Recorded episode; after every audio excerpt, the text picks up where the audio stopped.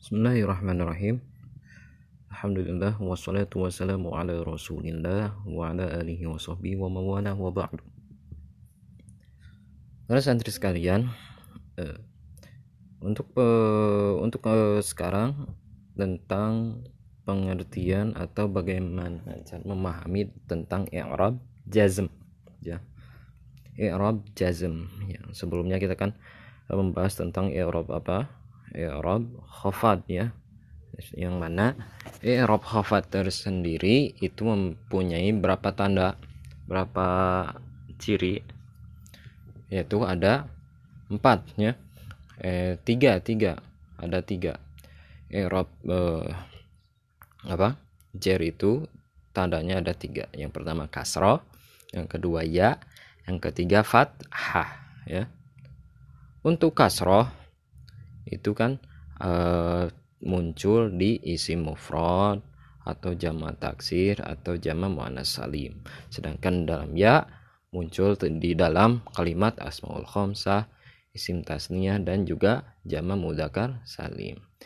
Sedangkan fathah, ciri fathah itu biasanya muncul di kalimat isim goer munsorib atau e, juga apa eh apabila isim goer munsoribnya itu dikasih di depannya atau menjadi mudhof maka tanda irobnya uh, irob jernya itu berupa kas kasroh bukan fathah. Tapi kalau misalkan tidak berarti tanda irobnya ada irob jernya adalah fat fathah. Nah itu dalam ciri irob uh, jr sekarang adalah irob jazm irob jr itu uh, merupakan irob yang khusus untuk isim ya tidak masuk ke dalam i'rab uh, tidak masuk ke dalam uh, kalimat fi'il khusus isim. Sedangkan i'rab jazm itu masuknya apa?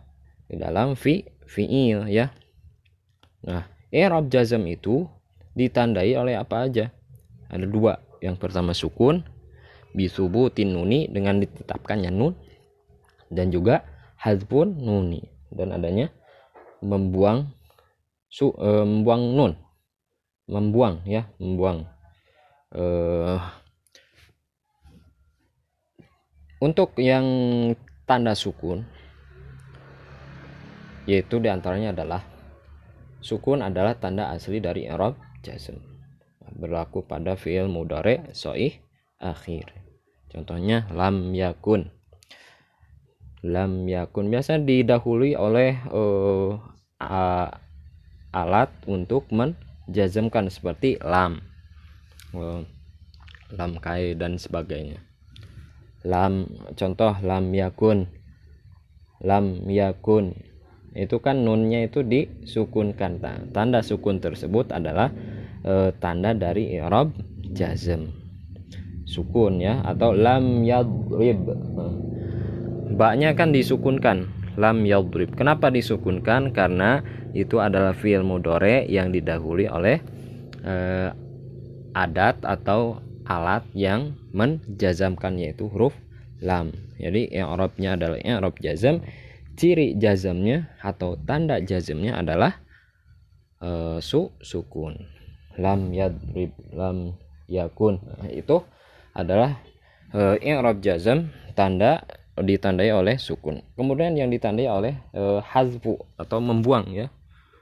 Bisa membuang nun atau membuang apa. Ah berlaku pada fiil mudore mu'tal akhir. Contohnya lam yakhsha zaidun. Nah aslinya kan yakhsha yakhsha. Karena di situ dimasuki oleh uh, amil jawazim atau uh, amil yang menjazamkan yaitu huruf lam lam yang tadinya lam yakhsha. Jadi lam yakhsha. Nah si huruf ilatnya dibuang dengan membuang ya. Aslinya apa? Yahsya itu kan huruf mu'tal akhir. Nah dibuang ya-nya menjadi lam yahsya zaidun. Nah, itu membuang huruf akhir. Kemudian berlaku pada fi'il mudore yang saat rofa dengan tetapnya nun. Nah contoh.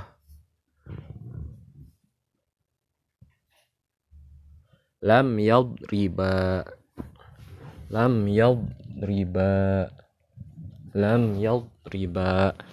Nah itu kan eh, apa? Eh, aslinya adalah yadribani. Yadribani. Ah, di akhirnya kan ada nun ya yadribani nah, nun di situ kan. Kemudian dimasuki amil jawazim amil yang menjazamkan mensukunkan. Nah yaitu huruf lam. Jadi bagaimana e, dalam mengirobkannya atau ketentuan i'rabnya? Apakah dengan ditambahkan sukun? Tidak. Tapi apa? Dengan membuang nunnya ya. Membuang huruf nunnya contoh yang tadinya yadribani menjadi lam yadriba. Nah, nunnya kan nggak ada. Nah dari pembuangan nun tersebut nah itu adalah merupakan ciri dari i'rab jazm.